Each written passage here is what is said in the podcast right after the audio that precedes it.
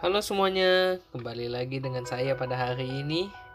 Saya mau menyapa setiap sobat pendengar di mana pun Anda berada. Anda adalah orang-orang yang luar biasa. Oke, selama beberapa minggu ini saya juga memperhatikan banyak hal ya yang terjadi. Saya mendengar banyak kabar yang sebenarnya memilukan hati sih.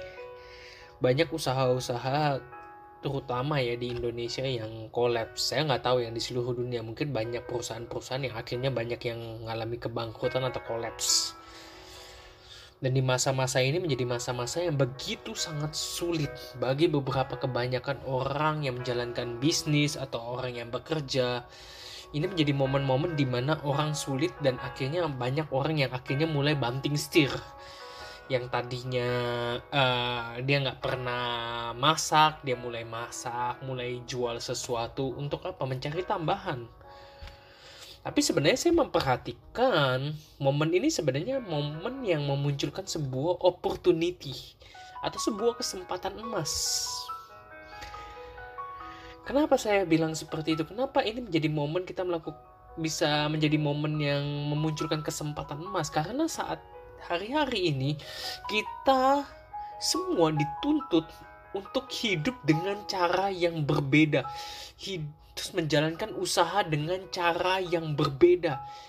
Dan kita tahu ketika orang berbondong-bondong terus mempertahankan cara melakukan pekerjaan dengan cara yang lama, mereka akan tertinggal di belakang. Justru di masa-masa ini, ini harusnya menjadi masa kita berinovasi dan melakukan hal yang berbeda. Karena ini sebenarnya menjadi sebuah momen di mana orang-orang itu direstart dari nol, memulai perjalanan yang sama di tengah-tengah pandemik ini. Mereka harus berusaha dari nol semuanya dan mereka harus memunculkan ide-ide inovatifnya. Karena kalau tidak, akan mengalami kematian atau ketinggalan atau kolaps. Dan sebenarnya apa yang mau saya bicarakan? Sebenarnya hal yang sama ketika kita di dalam Tuhan. Masa ini akan menjadi menjadi sebuah momen, menjadi sebuah momen penentuan di mana kita harusnya menentukan langkah kehidupan kita.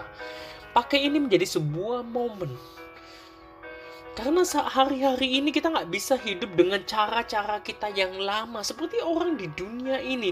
Mereka terus menerus mempertahankan cara mereka melakukan pekerjaan sehingga usaha mereka kolaps. Atau cara mereka hidup akhirnya kolaps juga. Nah inilah waktunya kita di dalam Tuhan. Kita menentukan langkah kehidupan kita. Kita mau bawa kehidupan kita di momen ini ke mana. Saya ajak setiap sobat pendengar, coba renungkan. Sobat pendengar mau membawa kehidupan sobat pendengar ke arah mana? Ini menjadi momen penentuan. Apakah kita mau menjadi domba atau menjadi kambing? Pilihan ada di tangan kita. Atau kita mau menjadi lalang atau mau menjadi gandum. Hanya dua hal itu kita nggak bisa berada di tengah-tengah menjadi mau menjadi lalang atau gandum atau menjadi setengah domba setengah kambing. Nggak bisa. Ini waktunya kita memilih mau menjadi domba atau menjadi kambing mau menjadi gandum atau menjadi ilalang. Dan kita nggak bisa terus menerus dengan cara kehidupan kita yang lama. Ini waktunya kita memilih. Dan saya akan bukakan satu ayat di Matius 9 ayat 14 sampai 17 Judul perikopnya tentang hal berpuasa. Kita tahu ini memang sedang menjelaskan hal berpuasa, tetapi di ayat-ayat berikutnya ada hal yang menarik.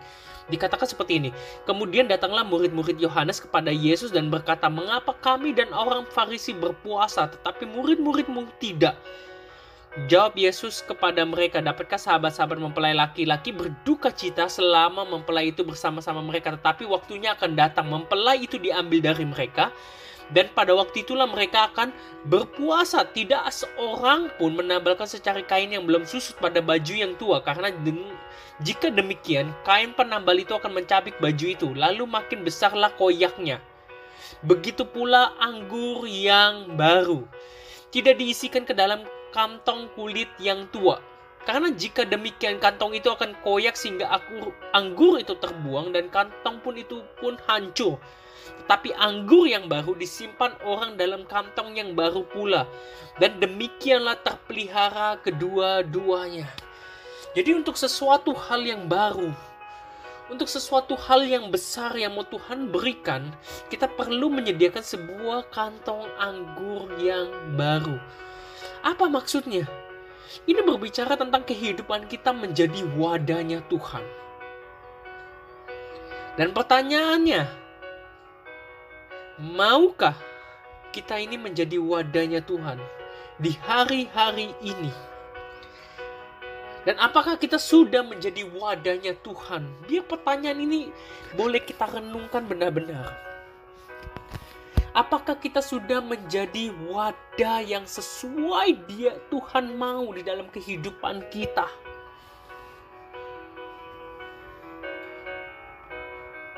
Sudah belum kita menjadi wadahnya? Ini waktunya kita memilih.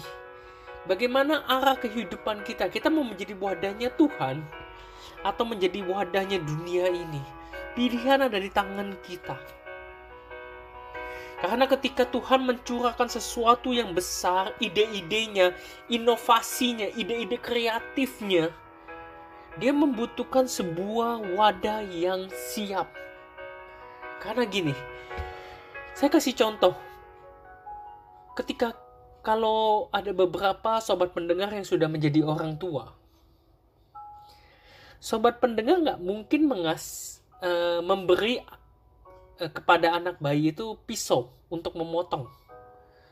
Karena kita melihat dirinya belum siap. Misalnya kita wah dia masih kecil umur 5 tahun terus kita kasih pisau. Nggak mungkin.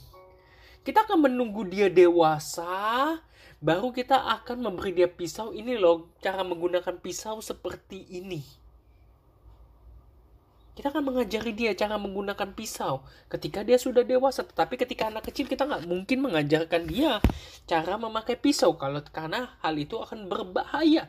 Begitu juga sesuatu hal yang besar dari Tuhan hanya bisa diberikan ketika kehidupan kita telah siap.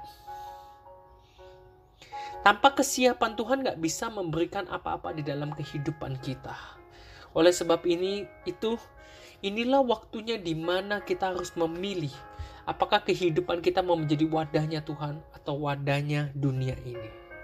Dan saya berdoa biar melalui perenungan ini dan biar melalui pertanyaan yang saya gemakan terus-menerus kepada sobat pendengar, apakah kita sudah menjadi wadah yang sesuai Tuhan mau?